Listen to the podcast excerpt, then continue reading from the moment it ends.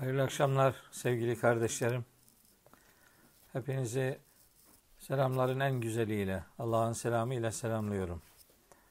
Allah'ın selamı, rahmeti, bereketi, afiyeti, mağfireti üzerinize olsun. Bu akşam 23.süyle huzurlarınızda bulunduğum 5 soruya cevap programında sıkça sorulduğunu sizin de bildiğiniz bana da oldukça fazla sayıda soru gelmesi nedeniyle belirlediğim 5 soruyu sizinle paylaşayım istedim. Bunlardan bir tanesi şefaat nedir, ne değildir, var mı, yok mu, kim kime nasıl şefaat edecek filan. Hemen hemen hepimiz öyle ya da böyle bu konuyla bir çeşit buluştuk hayatımızda.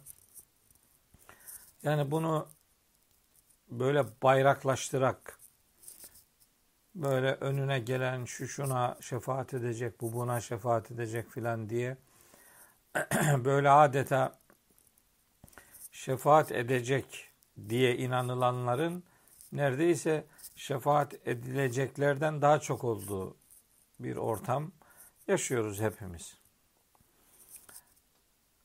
Buna karşılık tabi buna şiddetle karşı çıkan ve hiçbir şekilde asla ve asla yoktur, olamaz gibi çok şiddetli bir karşı çıkış ortaya koyanlar da var. Bu ikinci grup çok fazla değil. Ancak birinci grup oldukça yoğun. Çünkü oradan bayağı nemalananlar da var. Yani insanlar insanlara şefaat ediyor olabilsin ki onlar da şefaat edecekler arasında kendilerine yol bulsunlar ve onların şefaatinden istifade etmek için de birileri sıraya girsin. Öyle arzu edip meseleyi istismar edenler var. Şimdi ben e, ortalama bir sunum yaparak e, size Kur'an'ın söylediğini aktarmaya gayret edeyim. Bir defa e, en başta şunu söyleyeyim. Kur'an-ı Kerim'de şefaatle ilgili şefaat kelimesi bağlamında işte bunu fiil olarak, isim olarak 31 defa geçiyor bu kelime. O 31 defa geçen yerlerin bir bölümünde fiil, bir bölümünde isim olarak yer alıyor bu kelime. Yani tabi e, bunların üç tanesini ayırarak e, geri kalan 28'i üzerinden bir değerlendirme e, yapmak gerekiyor sanıyorum. Ayıracaklarımızın e, ikisi Nisa suresi 85. ayette geçiyor. Men yeşfa şefaaten haseneten yekun lehu nasibun minha ve men yeşfa şefaaten seyyiyeten yekun lehu kiflun minha. Bu e, ayette ilgili kökten kelimeler dört defa geçiyor.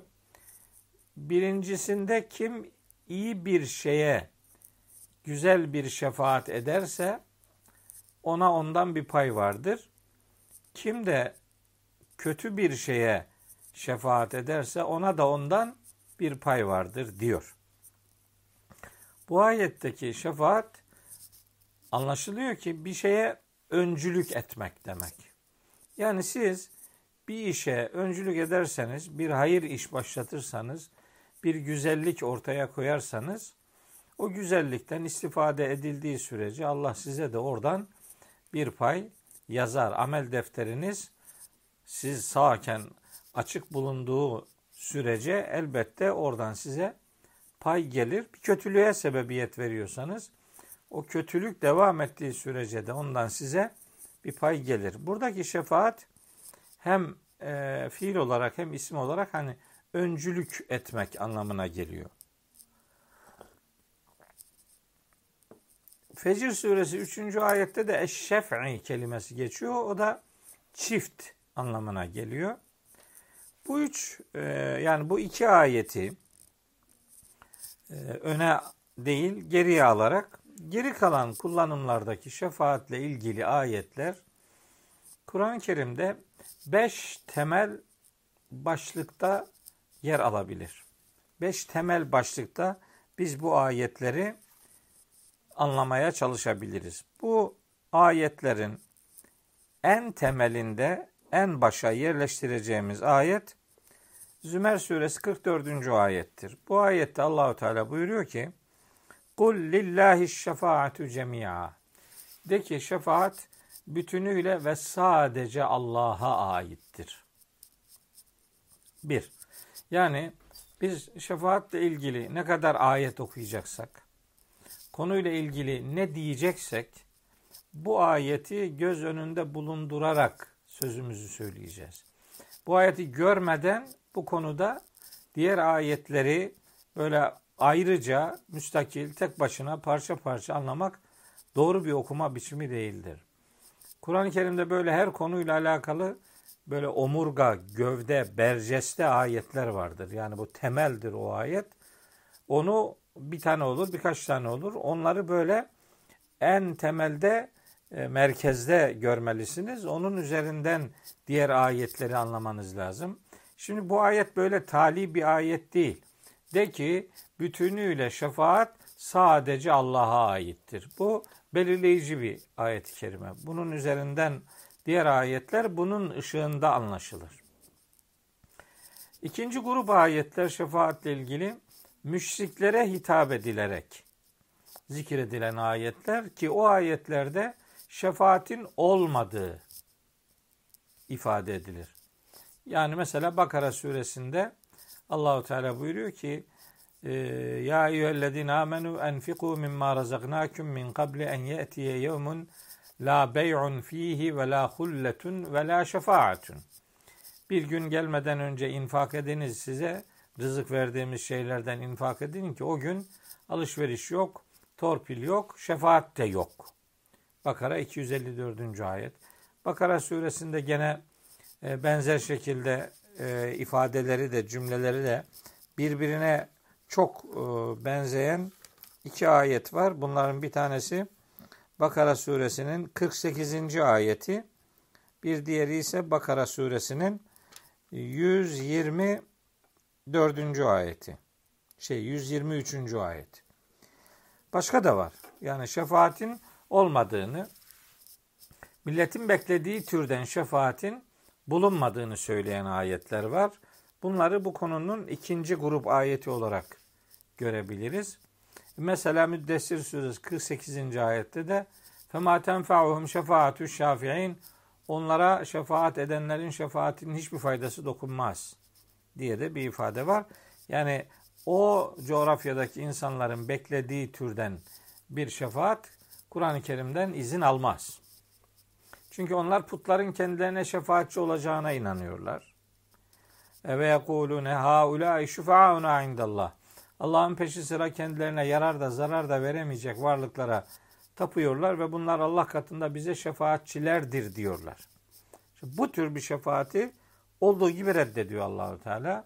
Yunus suresinin 18. ayetiydi bu okuduğum son ayet. Şimdi bir ikinci grup ayet bu. Üçüncü grup ayet şefaati Allah'ın iznine tabi tanıtan ayetler. Mesela işte Bakara 255. ayeti hemen örnek vereyim. Diğerlerine çok fazla temas etmeyeyim. Men zellezî yeşfa'u indehu illa biizni. Allah'ın izni olmadan kimmiş şefaat edebilecek olan? Demek ki Allah'ın izni diye bir gönderme var. Allah'ın iznine, konu Allah'ın iznine tabi. Allah şefaat için birilerine izin verebilir mi acaba? Bu izin göndermesini e, benzer başka ayetler de var. Bu izin göndermesini de gönder, görmezlikten gelmiyoruz. Buradan hareketle şefaatin Allah'ın iznine tabi kılındığını beyan eden e, bir içerik var diyoruz. Dördüncü ayet grubunda şefaatle ilgili Allah'ın izin verdiklerinin şefaat edebileceği ayetler var. Mesela iki tane söyleyeyim. Enbiya suresi 28. ayet ve Necm suresinin 26. ayeti. Bu ayetlerde Allahu Teala meleklere şefaat izni vereceğini aslında biz ayetten anlıyoruz. Mesela ve kem min melekin fis semavati göklerde nice melekler vardır ki la tuni şefaatuhum şey'en onların şefaati hiçbir işe yaramaz illa ancak en ye'zen Allahu Allah'ın izin vermesinden sonra. Anlaşılıyor ki Allahu Teala meleklere şefaat için izin verecektir. Bu dördüncü grup ayet. Beşinci grup ayet de kime şefaat edilecek? Kimin şefaat edeceği anlaşılıyor melekler. Kime şefaat edileceğinin de gene iki ayetini hemen söyleyeyim. Ee, Rabbimiz gene aynı Enbiya 28 ve Necim 26'da limen yeşâ'u Allah'ın dilediğine, Allah'ın istediklerine ve yarda ve Allah'ın razı olduklarına şefaat edilebilir. Hatta Enbiya suresi 28'de diyor ki la yeşfaune illa limen irtada. Melekler Allah'ın razı olduğundan başkasına şefaat edemezler. Demek ki şefaate ehil olabilmek için Allah'ın dilemesi ve Allah'ın razı olması zorunlu şarttır. Ben şimdi sizi duyar gibiyim. Allah'ın razı olduğunun şefaate ne ihtiyacı var? Çünkü bizim zihnimizde şefaat cehennemden çıkartılıp cennete gönderilmek diye algılanıyor. Bizde şefaat algısı o. Cehennemden kurtarıp cennete göndermek. Halbuki böyle bir içeriği yok bu konunun. Zümer suresinin Allahu Teala 19. ayetinde buyuruyor ki peygamberimize Efe ente tunqidu men finnari. Ateştekileri sen mi kurtaracaksın? Yani ateşten kurtarmak son derece ciddi bir iddia ve Rabbimiz onu peygamberimiz üzerinden olumsuzluyor. Böyle bir şey yok diyor yani. Bu olmaz. Sonra Allah'ın ateşe attığını peygamberimiz oradan çıkarabilir mi? Allah'ın ateşe attığı Allah'ın razı olmadığı insan demektir. Allah'ın razı olmadığı bir insandan peygamberimiz razı olur mu yani? Allah'ın ateşe attığını peygamberimiz savunabilir mi? Yani peygamberimiz haşa başka değerlerin insanı mı? Öyle şey olmaz. Güya peygamberimiz demiş ki benim şefaatim kıyamet günü büyük günah işleyenleredir. Ya o zaman küçük günahları da Allahu Teala zaten Nisa suresi 31. ayette affedeceğini söylüyor. O zaman mesele küçükleri Allah affediyor, büyükleri de peygamberimiz şefaat ediyor. O zaman tamam da zaten cehennem diye bir şey kalmıyor geriye. Bu sıkıntılı bir kabul.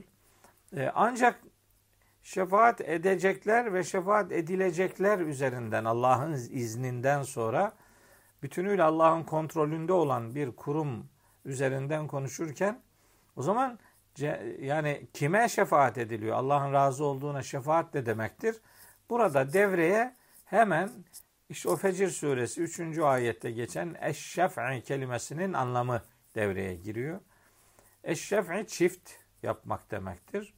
Anlaşılıyor ki şefaat de cennete giden insanların cennette derecelerinin artmasıdır. Yani bir alt düzeyde olanların bir üst düzeye çıkartılmasıdır. Bir aşağıda duranların bir üst taraftakilerle arkadaş kılınmasıdır. Nihayetinde Nisa suresinde Allahü Teala Allah'a ve Resul'e itaat edenlerin nebiler, sıddıklar, şehitler ve salihlerle beraber olacağı Nisa 69. ayette ifade ediliyor. Şefaat işte bu gruplarla Allahu Teala'nın hak eden insanları, Rabbimizin razı olduğu ve layık gördüğü insanları o e, dört grupla arkadaş kılmasıdır. Yani sözün özü şudur. Mekkeli müşriklerin beklediği türden bir şefaat yoktur. Şefaati Allah izin verdikten sonra melekler eliyle gerçekleştireceklerdir. Ve melekler de Allah'ın razı olduklarına şefaat edeceklerdir. Onların şefaati zaten cennete giden insanların cennette derece arttırımıdır. Bunu şuna benzetebiliriz. Okulu bitiren bir öğrenciye diploma veriyorsunuz. Ama dereceye girenlere bir de takdirname veriyorsunuz. Üstün başarı belgesi veriyorsunuz.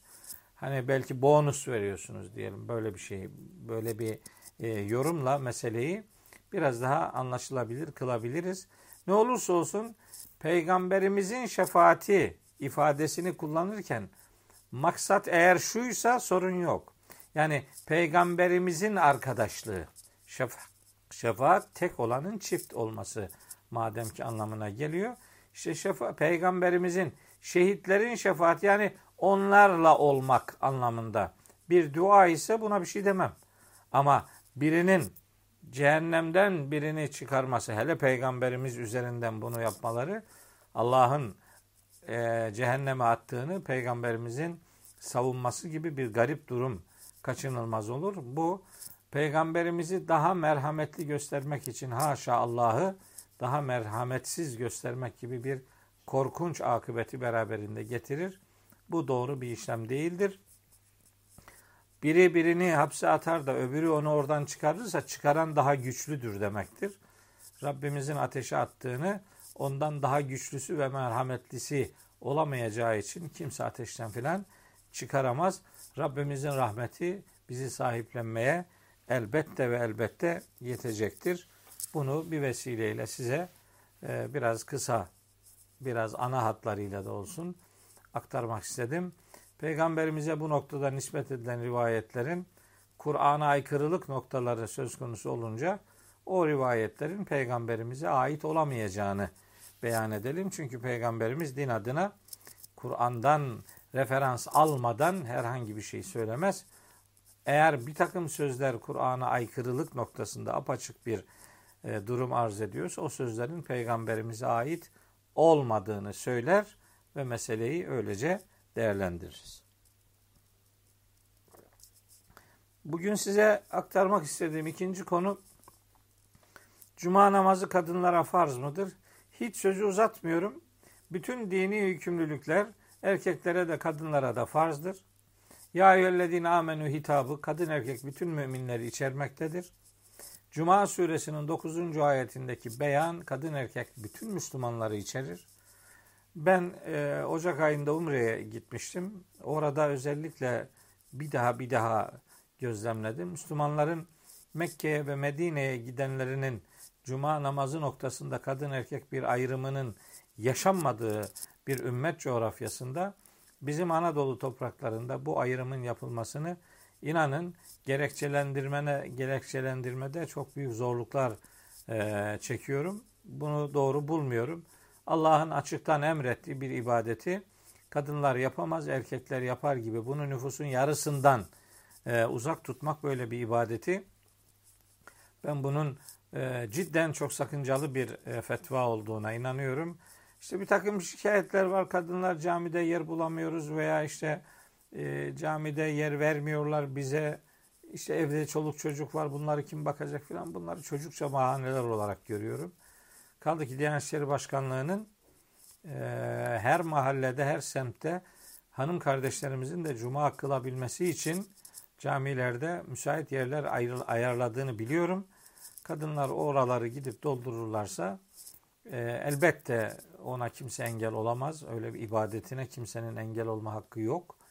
Ama koca bir mekanı kadınlara tahsis edip de bir tane kadın gelir de mesela 50 kişi 100 kişinin yeri boş, boş kalırsa buna da fırsat verirken dikkat etmek lazım. Yani hanımlara teravihlerde yer veriliyor. Gerçi bu sene teravih meravihte kalmadı camilerde maalesef ama e, vakti geldiğinde kadınlara da cumanın farz olduğunu özellikle ve özellikle beyan edeyim. İşte bu zamana kadar kılmadık, bundan sonra kılın. İşte bu zamana kadar duymadık, ah şimdi duydunuz, kılın yani. E, namaz kılmak, ibadetten yana daha çok fedakarlık yapmak bizim Müslümanlığımızın en önemli göstergelerindendir diye bu konuyu böyle kısaca geçeyim. Sehiv secdesi nedir diye e, sorulan sorulardan bir tanesi var. Sehiv secdesi ya sehiv sehven deriz ya işte yanılarak yani bilerek değil ama yanılarak bir hata yapıldığında namazın içerisindeki herhangi bir unsur, herhangi bir rükün işte farzların tehiri, vaciplerin terki veya tehiri gibi sistemleştirilmiş. O sistemleştirmeye karşı diyecek bir şeyim yok. O bir hassasiyetin ifadesidir. Yani namazın unsurlarından herhangi biri arzu edilen düzeyde yerine getirilememiş ise bir eksiklik yapılmış ve o namazın içerisindeyken fark edilebilmiş ise onun telafi edilmesi için namazın işte son oturuşunun yani iki rekatlı namaz ise tek oturuş, üç veya dört rekatlı namazlar ise ikinci oturuşlarda tahiyyat duasından sonra e, tek tarafa selam verilerek veya iki tarafa da selam verilerek e, hatta selam vermeden önce de e, bir daha secdeleri tekrarlamak, iki defa secdeye gitmek. Secdenin iki defa olmasının temel esprisi de yani ey Rabbim sen benden bir şeyi bir kere istemeye gör, ben onu en az iki kere yaparım diye bir teslimiyetin katlanarak ortaya konması anlamında lebbeyke ifadesinde de karşılığı olan her bir emre karşı en az iki kere boyun bükerim. O, o boynu bükük duruşun pratiğe dökülmesi şeklidir. Secdeler böyle iki defa yapılır. Tek secdeli ibadet sadece cephede kılınan, e, cephede, siperde kılınan namazda tek secde söz konusudur. Diğer secdeler hep çifttir dediğim telbiye ile ilişkili olarak meseleyi ortaya koyuyor ve onu öyle izah ediyoruz. Namazda bir hata yapmadan sevgi secdesi yapılır mı? Yapılır. Yani secde yapmak Allah'a boyun bükmektir. Ne kadar yaparsan yap. Ama bu adı üzerinde bir yanılma varsa onun üzerinden. Yani bu belki bu namazım olmamıştı. Ben bir secde daha yapayım bari olsun. Yani sen bir daha yapınca bari olmaz o yani. Allah pazarlık kaldıran bir kudret değildir. Sonra biz bir ibadeti olmayacak beklentisiyle, niyetiyle yapmayız. Biz ibadetlerimizi olacak, makbul olacak niyetiyle, beklentisiyle yaparız. Bildiğimiz bir hata yaptıysak namazın içerisinde o hatayı telafi anlamında namazın sonunda iki secdeli bir boyun büküş gerçekleştiririz. Bunun adına sehiv secdesi deniliyor. Sizinle bunu paylaşmış olayım. Bu akşam dördüncü soru adak yerine getirilmeli midir? Adağın gereğini yerine getirmek farz mıdır? Bir defa adak adamak diye e, bir dini şey e, yükümlülük yoktur yani. Allah'ın bir insan Müslüman olunca zaten Allah'ın ondan istediği şeyleri yapmakla yükümlü olduğunu bilir, bilmelidir. O anlamda e, kendini dinine, davasına adamışlık bir Müslümanın Müslümanlığının gereğidir. Biz bütün ibadetlerimizi aslında o adanmışlık üzerinden yerine getiririz. Fakat buralardaki sorular bu maksada yönelik değil. Bunu biliyorum. Buradaki maksat herhangi bir işim olursa şöyle yapacağım diye e, adanan adaklarla ilgilidir. Cenab-ı Hak buna dair Bakara suresinde bir ayet-i kerimede buyuruyor ki ve ma enfaktum min nefakatin siz nafaka olarak her ne harcarsanız, infakta bulunursanız ev nezertum min nedirin siz her neyi adak olarak adamışsanız fe innallaha ya'lemu Allah onu bilmektedir. Yani Allah'ın bildiği şeylerdir bunlar. Adadıysanız gereğini yerine getirmek zorundasınız. Yani Allah'a söz veriyorsunuz. Allah'a verilen sözün gereğini yerine getirmek kulluk göstergesidir. Cennetliklerin ödül alacağı ödül çeşitliliğinin e, oldukça yoğun bir şekilde zikredildiği İnsan suresinde cennet ödüllerine layık olanlarla ilgili kimdir bunlar sorusunun cevabı bağlamında surenin 7. ayetinde Allahu Teala buyuruyor ki yufune bin nezri onlar adaklarını yerine getirirler. Buradaki adaktan maksat kulluk borcu olarak üstlenilen her bir yükümlülüktür.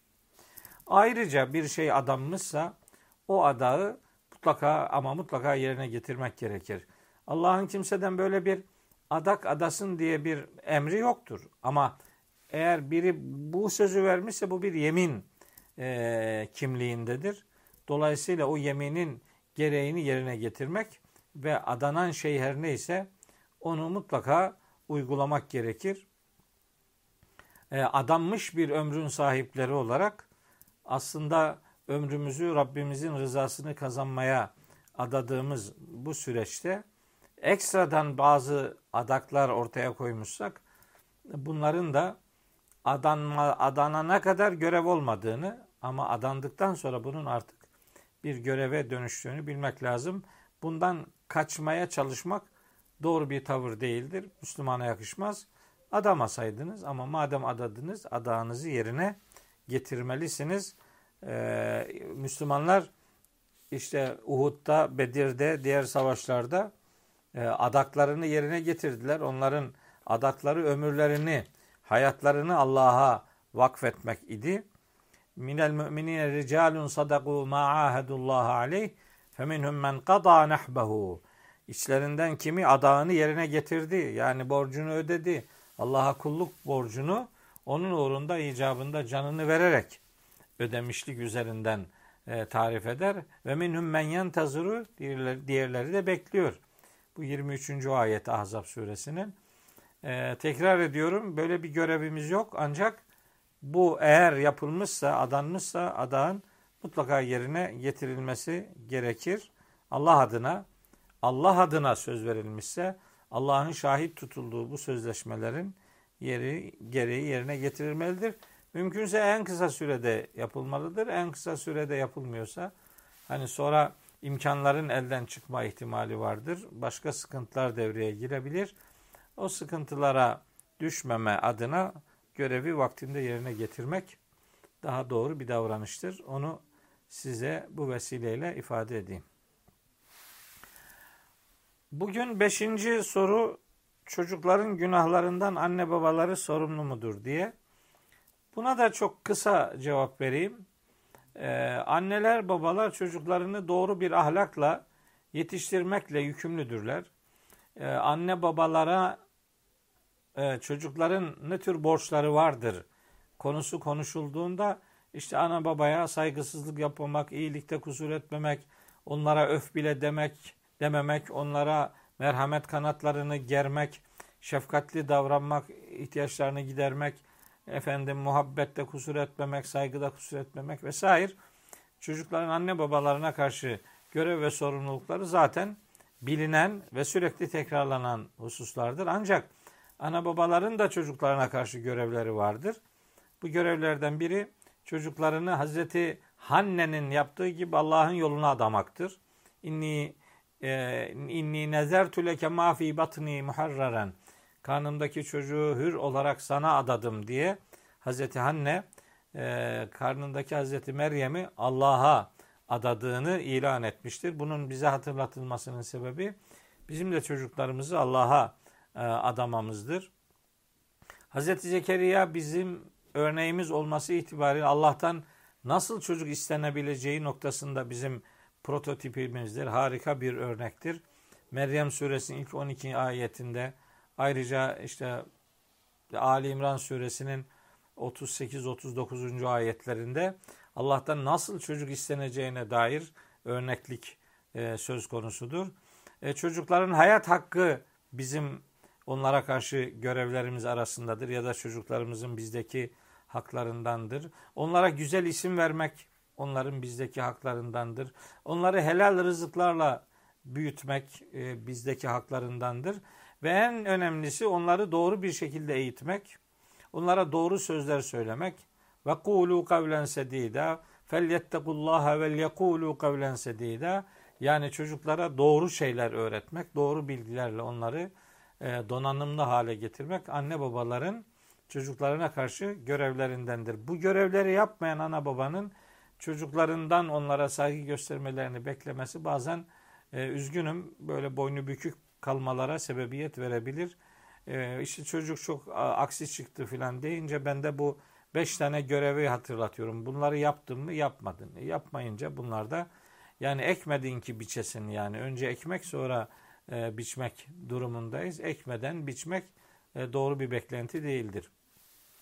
Biz çocuklarımıza doğru değerler öğretmediysek, onları doğru bilgilerle donanımlı hale getirmediysek, onlara ana babalık noktasında helal gıdalar vermediysek, onları doğru ahlaki ilkelerle donanımlı hale getirmediysek, daha sonra bu görevi yapmadığımız için daha sonra onların işlediği günahlardan bize de pay gelir. Çünkü görevimizi yapmamışlığımızın işleyen e, sonucudur o.